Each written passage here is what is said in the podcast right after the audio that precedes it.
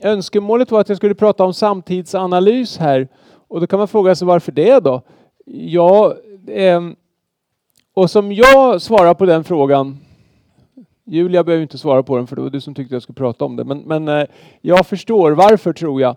Och det är ju för att nu har vi pratat om vi har fått prata om kristen tro, korset, kärnan i kristen tro, uppståndelsen eh, och, och, lärjungaskap. jag har ju fått, verkligen, jag har fått äran att, och nåden att få förmedla väldigt centrala saker när det gäller kristen tro.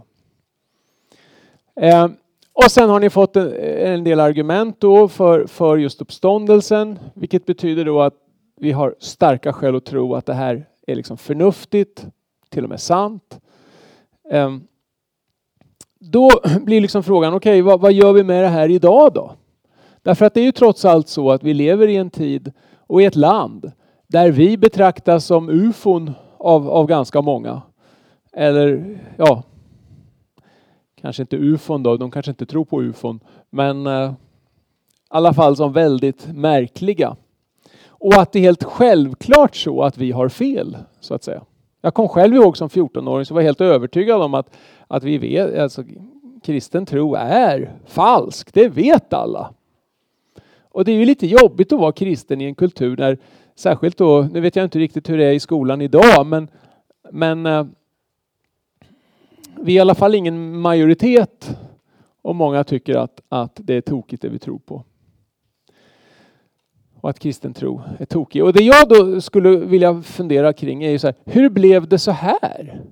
Hur blev det så här? Och, och liksom vilken attityd ska vi ha till att det är så här? Och då är det väldigt viktigt att kunna lite historia. Och nu kanske du brukar somna på historielektionen och tycker att det är värdelöst med historia. Men nu kanske en liten trevlig bieffekt av det här är att du fattar hur viktig historia är efter det här. För att du kommer inte förstå dig själv och din kultur om du liksom inte förstår någonting om varifrån det kommer.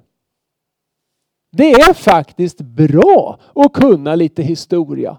Du kan så att säga förstå lite bättre om vad som händer. Du kan dessutom liksom förhålla dig lite mer kritiskt till vissa saker och förstå, ja det där som du säger nu, det är en väldigt ny företeelse. Det är ju inte liksom någon, det är en väldigt liten eh, mängd människor på två, under 2000 år som har liksom tyckt så där som du säger nu. Det där är väldigt modernt liksom. och jag vet varifrån det kommer och jag håller verkligen inte med. Alltså, förstår du, du får en sorts självsäkerhet, en god sorts självsäkerhet, en trygghet i, i, liksom, i, i ditt sätt att, att möta saker om du vet varifrån det kommer. Fattar ni? Är man historielös, då är liksom, jag fattar ingenting. Då är man liksom som en liten, man bara flänger omkring som en liten vante hit eller dit och har liksom inte någon förankring. Och det här gäller ju faktiskt också din kristna tro. Varför har jag pratat om historiska skäl för Jesu uppståndelse? Det har verkligen med dig att göra. Och jag är trött på, kanske fel att säga, jag är lite, tycker det är tråkigt med en massa ungdomar och framförallt med en massa vuxna som är historielösa, som liksom inte har någon koll på, på saker och ting. Ta det här med med medeltiden. Varför heter det medeltiden? Jo, för det är mitt emellan antiken och renässansen. Renässansen, varför heter det renässansen? Jo, för det är en återfödelse. Renässans, återfödelse av vad då? Av antiken. Aha, vem är det som har hittat på de här orden? Ja, det är de som gillade antiken och som tyckte den kristna medeltiden, det var bara skrutt. Det var bara en transportsträcka. de här namnen är propagandanamn, ärligt talat. Och sen kommer upplysningen. Oj, oj, oj, den vill alla vara med Man vill vara upplyst och så vidare. Man vill vara nyfödd och upplyst. Man vill inte vara liksom medelmåttig i tiden. Medeltiden betraktas liksom som så här mörka medeltiden.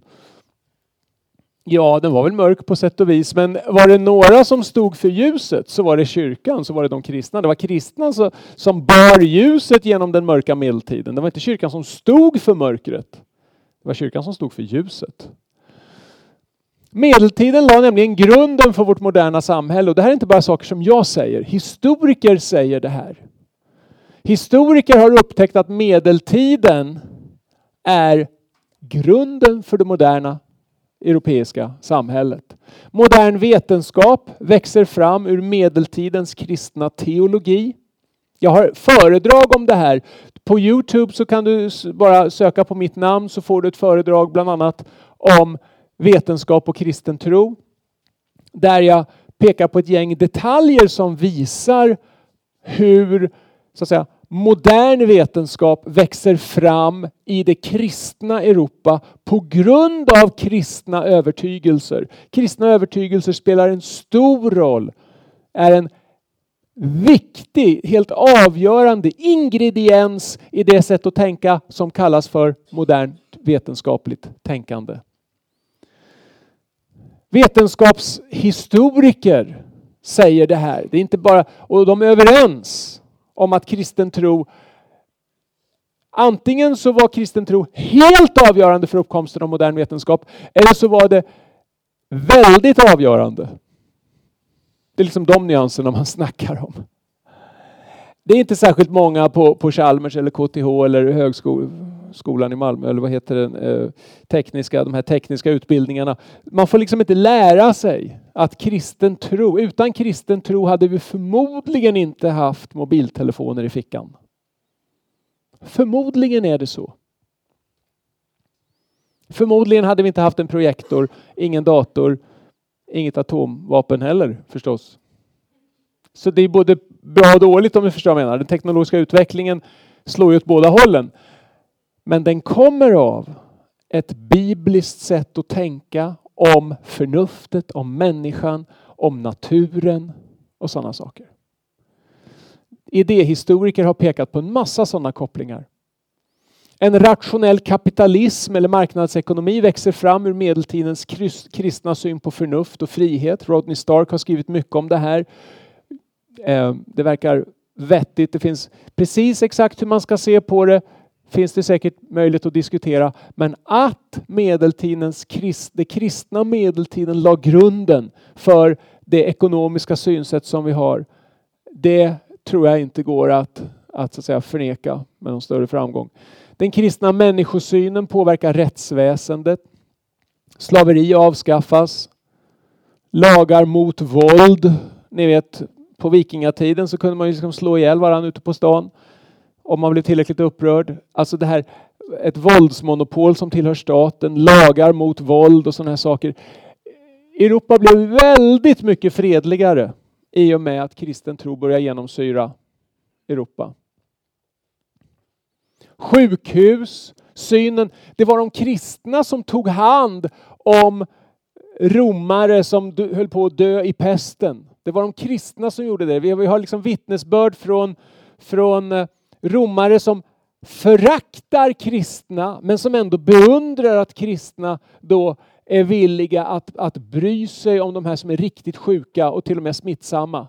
För romarnas attityd till de svaga och sjuka och fattiga, det var förakt. Man föraktade svaga människor.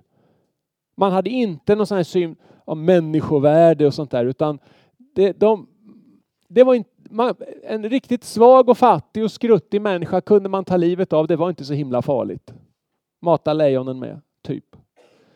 Det var en stor skillnad mellan den kristna synen på människor och den som rådde där och då.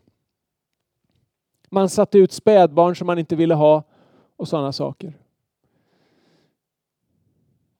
Det var kristna, en som hette Basili, Basili eh, inte Bas, Basilika hette han inte, utan Basilius, har jag för mig hette, den store eh, eh, som eh, i, i, vänta nu, Caesarea, ja, jag blandar ihop de där gubbarna. En av dem i alla fall eh, eh, påverkade en kejsare, Valentianus hette han, till att förbjuda spädbarnsutsättande, spädbarnsdråp och abort. För man hade ingen, ingen eh, respekt för människolivet. I stort sett ingen. Men den kristna tron hade det. Så under antiken, den mörka medeltiden och medeltiden sen, så växer liksom det kristna, den kristna synen Börjar påverka hela samhället på ett djupare sätt. Och saker som vi tar som självklarheter kommer ifrån kristen tro och den kristna trons påverkan på vår kultur. Jag brukar skoja och säga utan Jesus och utan hans syn på kvinnor så hade feministiskt initiativ inte funnits. Det är, Fi finns inte i den muslimska världen och i den mening som, som feminister finns i den muslimska världen så är de inspirerade av väst. Synen på kvinnor som värdefulla kommer från Jesu attityd, framförallt från Jesu attityd till kvinnor. Paulus som säger att kvinnor och män har lika stor del i frälsningen. Slav och fri, så vidare. Jude eller grek. Den här människosynen, det är den som vi tar som en självklarhet idag. Och det var den inte då. Via högskolastikens kontakt med den grekiska tankevärlden så fanns ett intresse för antiken. Det här är renässansen då på 1400-1500-talet. När det antika arvet förmedlades genom islam växte intresset ytterligare. Renässansen säger tillbaka till källorna. Intresse för språk, mänsklig kultur, humanism. Det här är egentligen inte en reaktion mot kristen tro, men det är en utvidgning av kunskap och en utvidgning av perspektivet. Det här är kanske inte så jätteviktigt, men renässansen är ju liksom... Idag så beskriver man ofta renässansen då som att här är starten på det moderna samhället. Men faktum var, jag vet inte om ni, när man tittar på vetenskapshistoria så pratar man om Galilei som, som levde då, Copernicus levde på, på 1400-1500-talen. Leonardo da Vinci, liksom. Sådär va. Det är liksom, där har vi de första vetenskapsmännen. Men det är inte sant. Det är inte sant. Det var inte de första vetenskapsmännen. De första hette sådana saker som, eller de första så att säga, moderna vetenskapsmännen. Jean Buridan, Albert av Saxon, Nicolas Oersme, Nicolas av Cusa, William Heutersbury. Det där är namn som ni aldrig hört talas om antagligen, för de levde på 12 och 1300-talen. Och det var på deras axlar som de här gubbarna som jag nämnde tidigare, Galilei och så vidare, satt. Det är inte som så att vetenskapen liksom exploderar fram på renässansen. Den grundläggs på medeltiden. Det är den kristna medeltiden som lägger grunden för vetenskapen. Sen fortsätter det i renässansen och det fortsätter i det som kallas för den vetenskapliga revolutionen på 1600-talet sen. För övrigt så var ju eh, liksom 90 procent, 95 procent av de som grundlägger moderna vetenskapliga discipliner var ju kristna. Bibeltroende kristna. De flesta av dem var brinnande i tron dessutom. Det var inte ateister. Ja, det finns en ateist, han hette eh, William Halley och så fanns det en eh, typ new ager som hette Paracelsus. Det är liksom det man känner till. Sen är det liksom av, av de 52 mest inflytelserika och viktiga vetenskapsmännen under den vetenskapliga revolutionen, typ 1600-talet. Av de 52 så är det en som är ateist och en som är new ageare, resten är kristna. Det är vi, mina vänner som har byggt upp det moderna samhället. Det är vi som har startat universiteten. Det är vi som har lagt grunden för modern ekonomi, för, för FN, för vetenskap. Det är vi, i meningen vi kristna. Det var vi som var huvudet, så att säga, och som ledde utvecklingen. Nu så är det på något vis som att vi är en svans och vi tycker att oj, vi är en liten minoritet. Och det är sådana som Christer Sturmark och andra som på något vis tror att det var ateister och naturalister, personer som inte tror på Gud, som liksom la grunden för alltihopa. Det är inte sant. Det är inte sant för fem öre.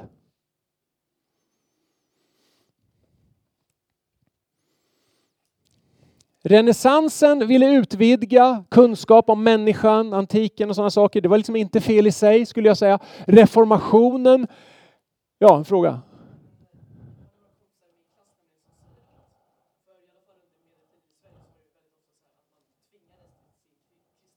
Ja.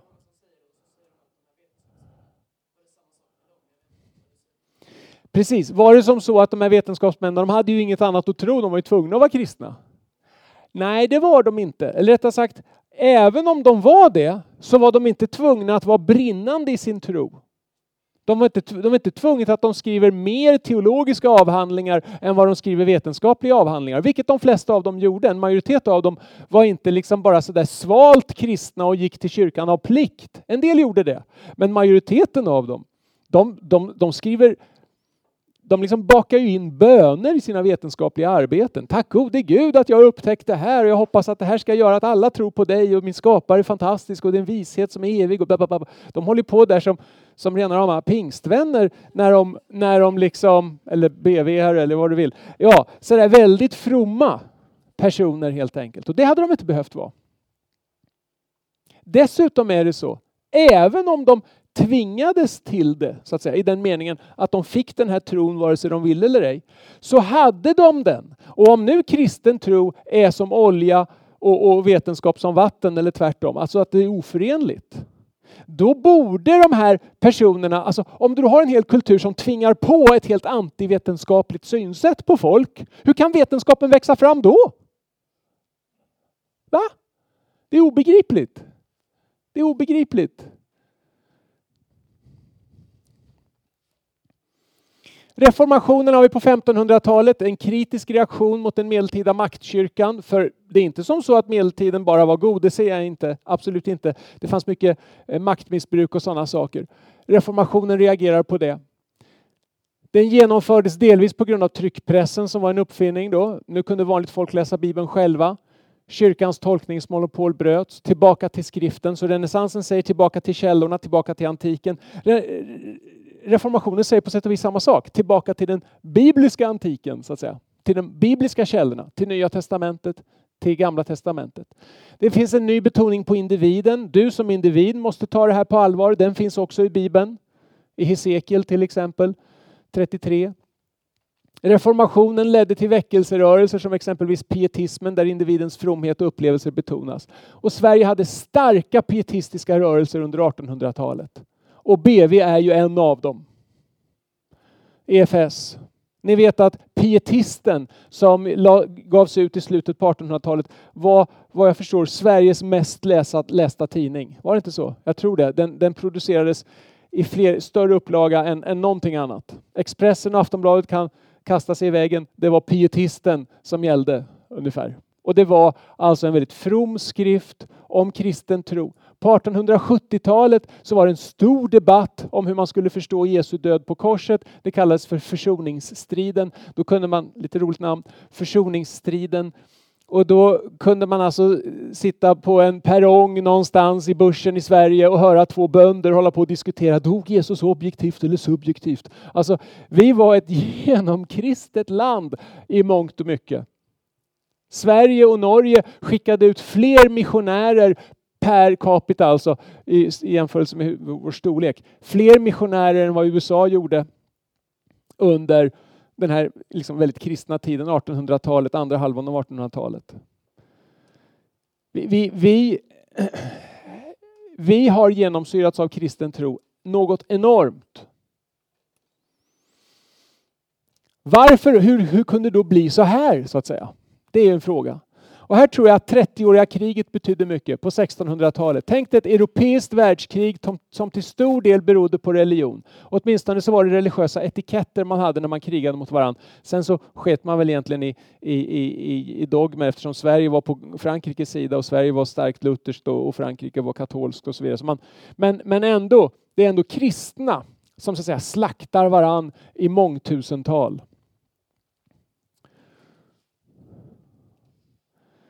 Så det tror jag betyder väldigt mycket för upplysningen. Voltaire som säger eh, ner med den skändliga och menar alltså ner med katolska kyrkan, ner med maktkyrkan. Voltaire trodde egentligen på Gud.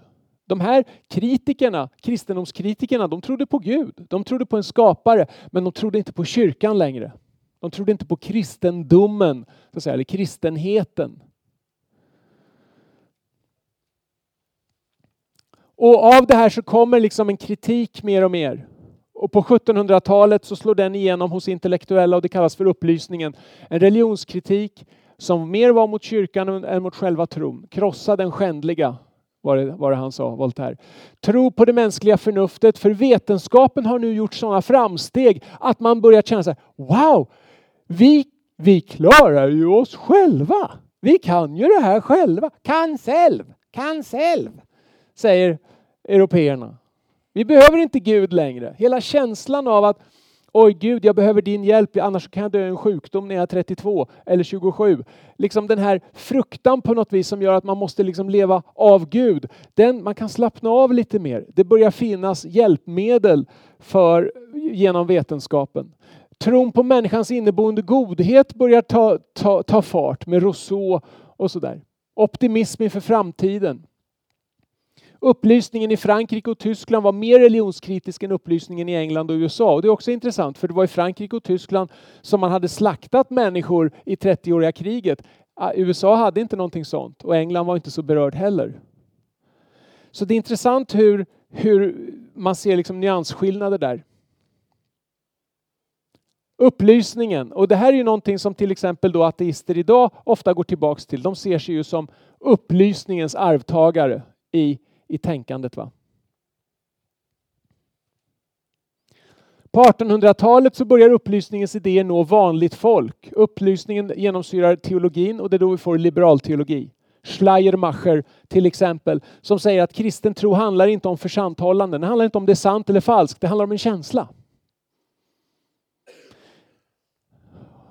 Hopp. Massa sådana tankar kommer.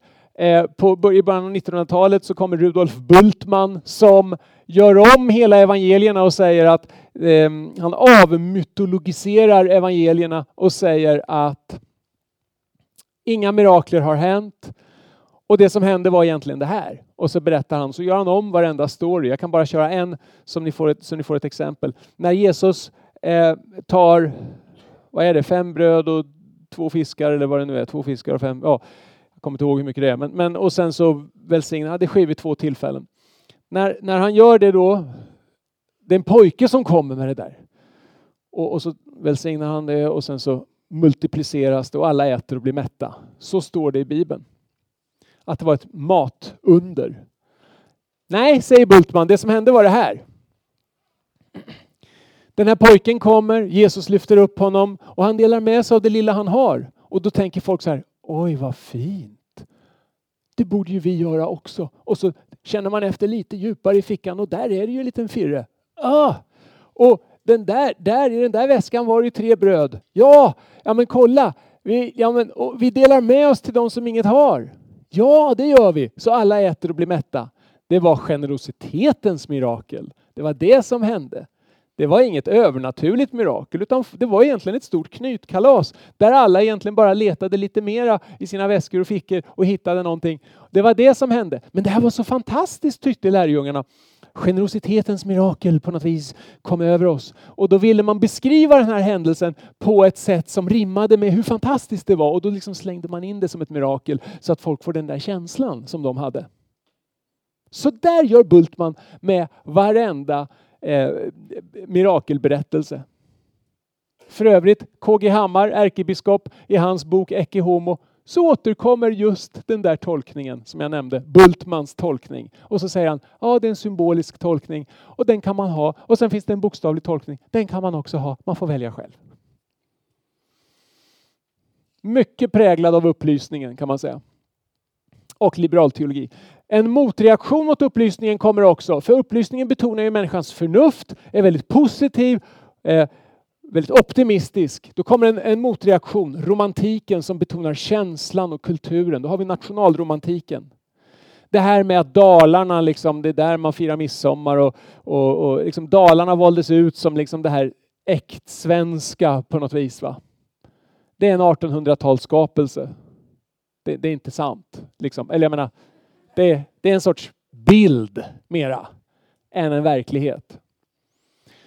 Hegel, som var 1800-talets mest dominerande filosof, han säger Guds rike var den preussiska staten. Ja, han tyckte det. Han menade att Guds rike, det är någon sorts tidsanda som liksom växer fram och utvecklas och blir någonting fantastiskt. En fantastisk kultur. Och den preussiska kulturen som var den mest högstående vetenskapligt och så vidare. Där, det är Guds rike. Han gjorde om kristendomen till, till, sin filosofi. Han tolkade om alltihopa i kristendomen till sin egen filosofi. Han var den totalt dominerande filosofen på 1800-talet. Vi har Nietzsche, vi har Schopenhauer som är nihilister och pessimister som säger så här, Gud finns inte och ni har ännu inte fattat konsekvenserna. Men det betyder att det finns inget värde, det finns ingenting att bygga på. Här börjar man liksom bryta ner det som, som så att säga, kristen tro har byggt upp.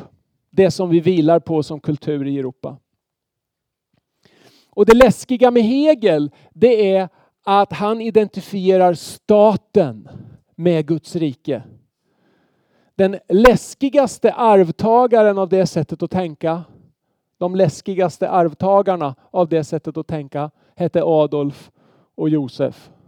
Hitler och Stalin. De gjorde just det. När kulturen var väldigt sekulariserad, när Gud hade detroniserats, man brydde sig inte så mycket om Gud längre så att säga. Vad är det som blir auktoritet då? Jo, då är det den mänskliga institution som har mest auktoritet och det är staten. Staten tar Guds plats och det är därför de här totalitära rörelserna, nazism och kommunism, kommer fram i början på 1900-talet. Efter att upplysningens idéer har genomsyrat folklagren. Sen har vi reaktion på det. Vi har kristna väckelser, men själva kulturen i stort är liksom på väg neråt. Och då blir, då blir staten auktoriteten. Och då blir det lite olika varianter då. Antingen så är det så att säga, nationen i form av en ras eller så är det liksom den här ekonomiska klassen, vi arbetare. Och så. Hur man definierar sin egen grupp är lite olika. Men det är staten som har rätt att köra över folk helt och hållet. Och man gör det. Men det finns ju motstånd förstås. Vi har, får då andra världskriget. På det glada 20-talet, det kallas för det glada 20-talet därför att då slår, slår liksom nihilismen igenom. Då handlar det bara om att ha kul. För det finns liksom inget annat att leva för. Lite grann det här, Gud finns inte, låt oss äta och dricka för imorgon dör vi och sen är det slut. Det präglas den europeiska kulturen av på 20-talet. På 20-30-talet så kommer rasbiologi, darwinism tillämpad på människan. Social darwinism det här vetenskapliga perspektivet som på något vis har tagit bort etik, tagit bort Gud.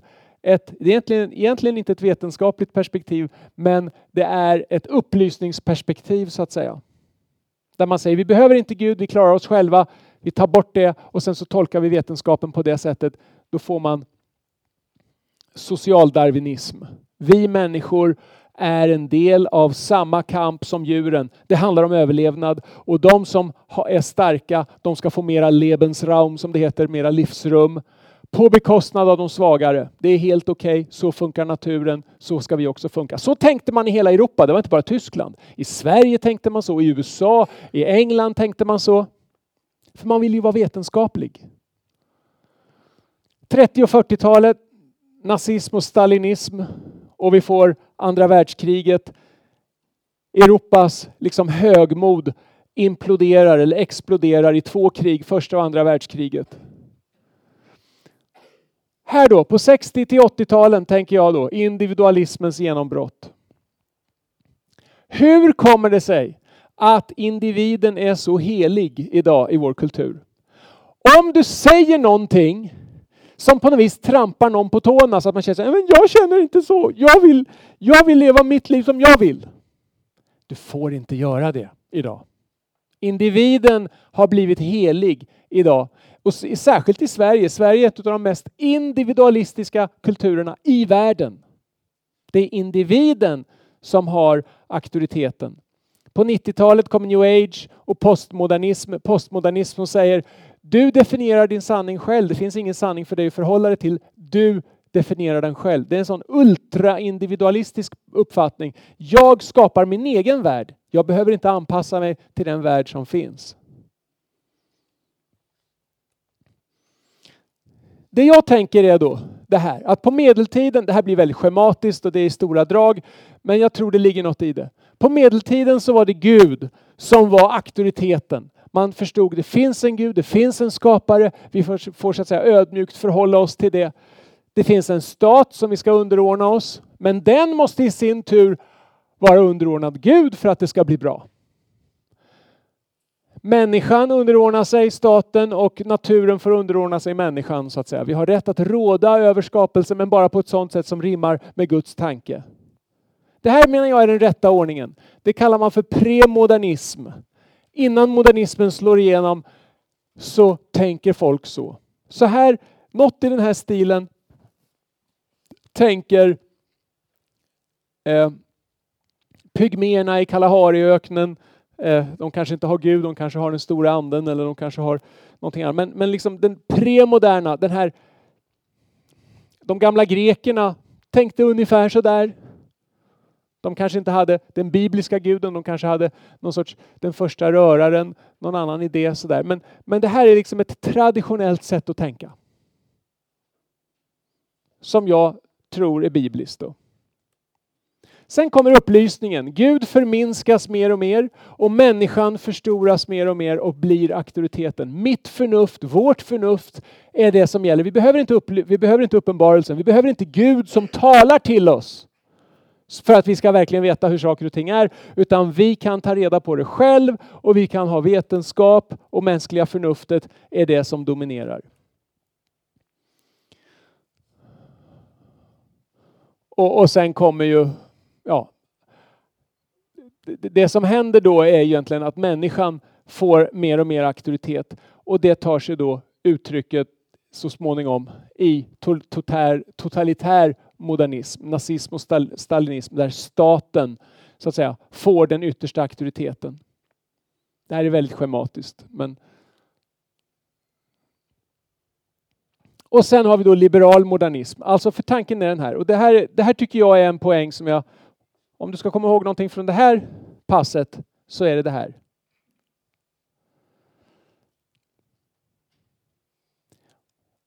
Om jag säger i en eh, gymnasieklass så här då, eller rättare sagt, det här hände. Eh, jag har presenterat vad kristen tro går ut på. Så är det en tjej som frågar, ja men två homosexuella då, om de verkligen älskar varandra och, och, och är kära i varandra, varför ska de inte få, få, eh, eh, få gifta sig och, och, och sådär? Och ja, sa jag, ja. Ja men vadå, om de verkligen älskar varandra så är det fler som, ja men de älskar inte, hur kan du inte? Så de är väldigt så aggressiva och jag, och jag känner så här, äh, oh, oh, och jag spelar då lite teater så jag, ja, eh, eh, nu tycker jag ni är lite intoleranta mot mig här lite, säger jag. och då, då lugnar, lugnar de ner sig lite så här, jaha är vi intoleranta? Så och, så, och så säger jag så här, hörni, ni verkar inte ha förstått en grundläggande sak med att vara religiös. Jag använder det ordet så ibland. För, för, att tro på Gud. För jag tror nämligen inte att det är våra känslor som definierar vad som är rätt eller fel. Utan det är Gud och Guds plan med oss människor som definierar vad som är rätt och fel. Och nu är det tio minuter kvar. Precis. Det är Guds plan, det är Gud, för Gud finns på riktigt. Jag tror det.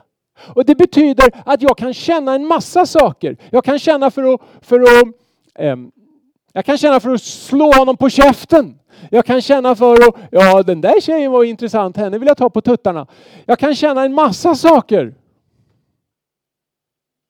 Som kan vara riktigt fel. Det spelar ingen roll hur starkt jag känner dem. Det är inte mina känslor som avgör vad som är rätt eller fel. För Gud finns och det finns en tanke och det finns en plan och när vi följer den så kan det vara svårt. Men i slutändan så tror jag verkligen på att det kommer att löna sig. En av mina bästa vänner har en homosexuell läggning. Han har gift sig.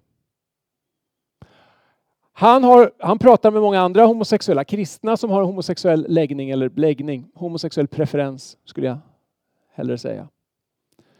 Och de säger till honom, du är så himla stabil, hur blev du det? Och han säger så här, jag är lycklig idag. Visst, jag har en attraktion här som, jag, som är en skada.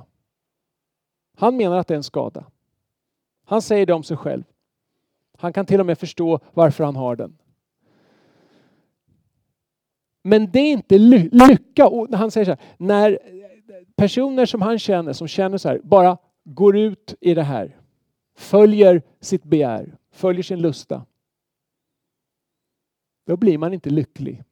Man blir inte lyckligare av det. När man, så att säga, måste krocka med Guds tanke. Med Guds vilja. Det här är inte lätt. Så att säga. Vi lever i en kultur där individens känsla för lycka har blivit en auktoritet.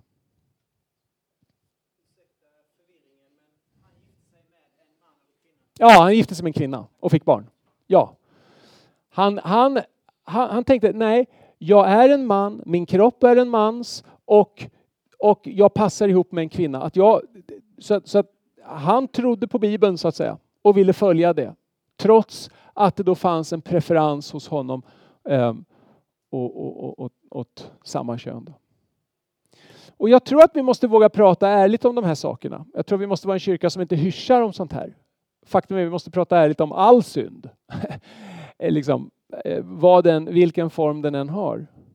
Men det är extra svårt i vår kultur att prata om sådana här saker därför att vår kultur har lyft upp individen och individens lycka. Och den upplevs ju väldigt mycket vara den romantiska kärlekens och sexualitetens lycka. Det är liksom den lyckan som individen har rätt att bestämma över själv och ingen annan har rätt att bestämma över det. Och om någon knystar någonting om det så är det som att då har man liksom nästan rätt att bränna den på bål. Att säga så här, nej men jag har en tro om mänsklig sexualitet som grundar sig i min tro på att Gud har skapat oss. Och sen finns det faktiskt personer som håller med mig om det och som själva upplever att de har valt den bibliska vägen och upplever att den faktiskt är bättre för dem. Sen är ju då frågan, ska vi bli lyckliga i det här jordelivet? Är det det som det går ut på? För om det är det, vi kan bara ta kopplingen till alla som skiljer sig. Vi behöver inte ta homosexualitet. Alla som skiljer sig för man känner så nej men nu, nu har vi inte samma gnista i äktenskapet. Vi älskar inte varandra på samma sätt och nu är jag faktiskt förälskad i sekreteraren. Och hon i mig. Så jag har rätt att stå för min lycka. Det intressanta är att det där sättet att se på lycka förstör så fantastiskt mycket. Det förstör så fantastiskt mycket alla barn som får genomlida skilsmässor. Den andra parten, alltså man bygger inte stabilt, man bygger inte utifrån den grund som jag tror att Gud har gett oss och man tror att man blir lycklig på kuppen. Och det konstiga är att vi lever i ett samhälle där allt fler äter antidepressiva medel, där allt fler mår sämre. Ungdomar idag har aldrig mått så dåligt som de gör idag. Trots att alla bara går efter sin lycka, följer den, ska ha sin lycka nu och fixar det på sitt eget sätt. Det verkar inte funka, helt enkelt.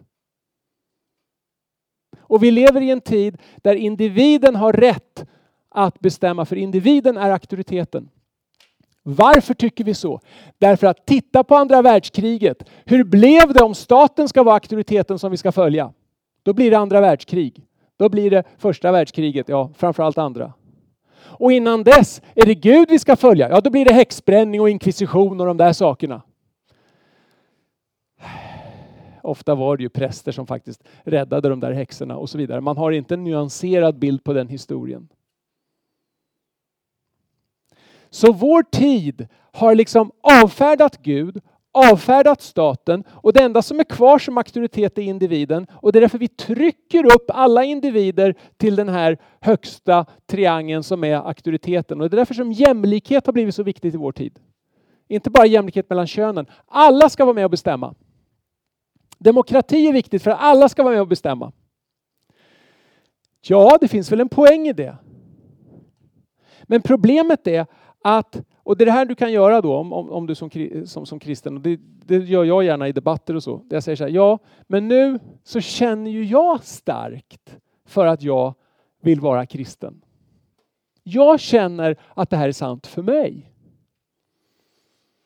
Så hur kan du komma här och kränka mig och säga att jag inte får säga det, att jag inte får tycka så? Jag känner starkt att min kristna tro är sann. Min kristna tro innebär en syn på sexualitet. Jag tror på den. Jag har rätt att tala om det. Och du har inte rätt att kränka mig. Man kan till och med vässa till det på det sättet, men jag menar inte att man ska säga så här på riktigt. Men eh, man kan till och med säga så här, ja, men jag tycker om att eh, um, Ja, jag, jag hur ska jag säga det Jag tycker om att ha ojämlikhet mellan könen. Ja, jag tycker om att kritisera en homosexuell livsstil. Det, det trivs jag med. Det känns rätt för mig. Varför får jag inte göra det? Ja, men det är ju fel, säger någon. Fel utifrån vad? Så även de som förnekar Gud, de som förnekar att det finns en moral, som förnekar att det verkligen finns rätt och fel på riktigt, måste i alla fall tro på det sen.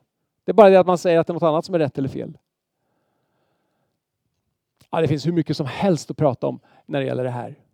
Men vi lever i en kultur, kom ihåg det mina vänner, som är starkt individualistisk.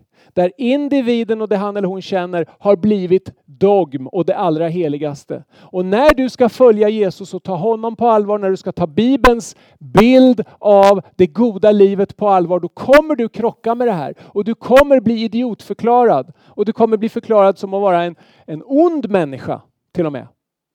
För du krockar med det godaste, nämligen individens rätt att få bestämma över sig själv. Jag menar inte att man ska vara hård och, och liksom taskig i det här. Vi måste ha mycket barmhärtighet med de som kämpar med svåra och jobbiga saker. Så är det. Och vi kämpar alla med våra grejer på olika sätt. Så är det. Vi måste vara öppna om det. Vi kommer aldrig kunna vara en kyrka som, som så att säga, hjälper människor med till exempel eh, sexuella eh, eh, problem eller vad man ska säga, sexuell, eh, sexuella eh, addictions, vad heter det? Beroenden. Om vi inte vågar prata om de här sakerna på något vis. Om inte ledare vågar ta upp sådana här saker. Här är det så att de kristna som kämpar med till exempel homosexualitet själva måste börja tala. Jag har uppmuntrat min vän att skriva en bok till exempel. Så att man får ett sorts inifrån perspektiv. Hur kan man få ihop det? Genom att både tro på Bibeln och inte låta sin egen känsla bli auktoriteten som man bara måste följa.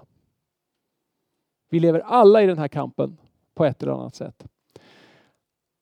Så min poäng är bara, vi har en, vi har en tid, en tidsanda som verkligen krockar med det kristna perspektivet. Och vi kan förklara hur den har kommit till. Den har inte alltid varit så stark. Den har inte sett ut på det här sättet.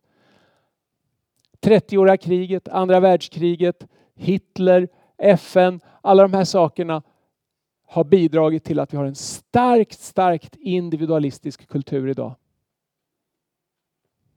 Och vi får inte anpassa vår kristna tro till det. Det får inte bli så här, jag är kristen för att det känns bra för mig bara. Och det är liksom min, min individualistiska känsla som kristen tro handlar om. Blir det bara det så kommer det inte att hålla. Ja, nu känns det som att jag liksom öppnade en, en burk med, med ormar, på säga. Så det ska, men det får Jakob ta hand om. Han ska ju prata om, om sex och relationer. Så att jag lämnar över fortsättningen till dig om det. Det här skulle ju vara en samtidsanalys. Hörni, ska vi be en bön? Vi gör det.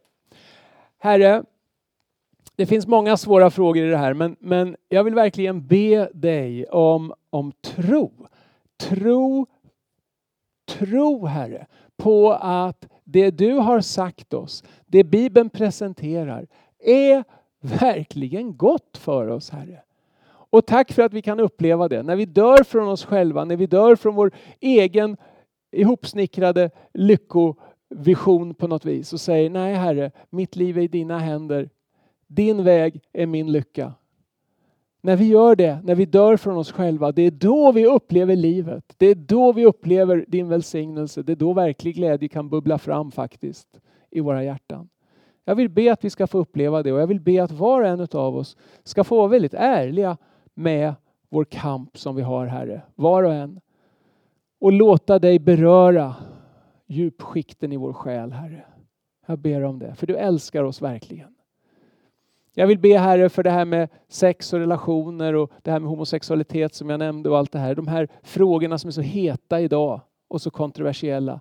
Jag vill be att du hjälper oss med det Herre. Så att vi får stå upp för ditt ord samtidigt som vi får vara väldigt barmhärtiga mot människor men också väldigt raka. Hjälp oss i den här balansgången. Jag ber om det Herre. Särskilt när världen kommer hata oss. När de är, tycker att vi är helt, helt fel ute. Hjälp oss Herre. Hjälp oss Herre. Och jag vill be särskilt för de eh, kristna, kanske ungdomar här också, som kämpar med sin sexuella identitet. Jag vill be Herre om mycket av din nåd, mycket av din hjälp Herre i det. Och en upplevelse av din kärlek i botten Herre. Jag vill verkligen be om det.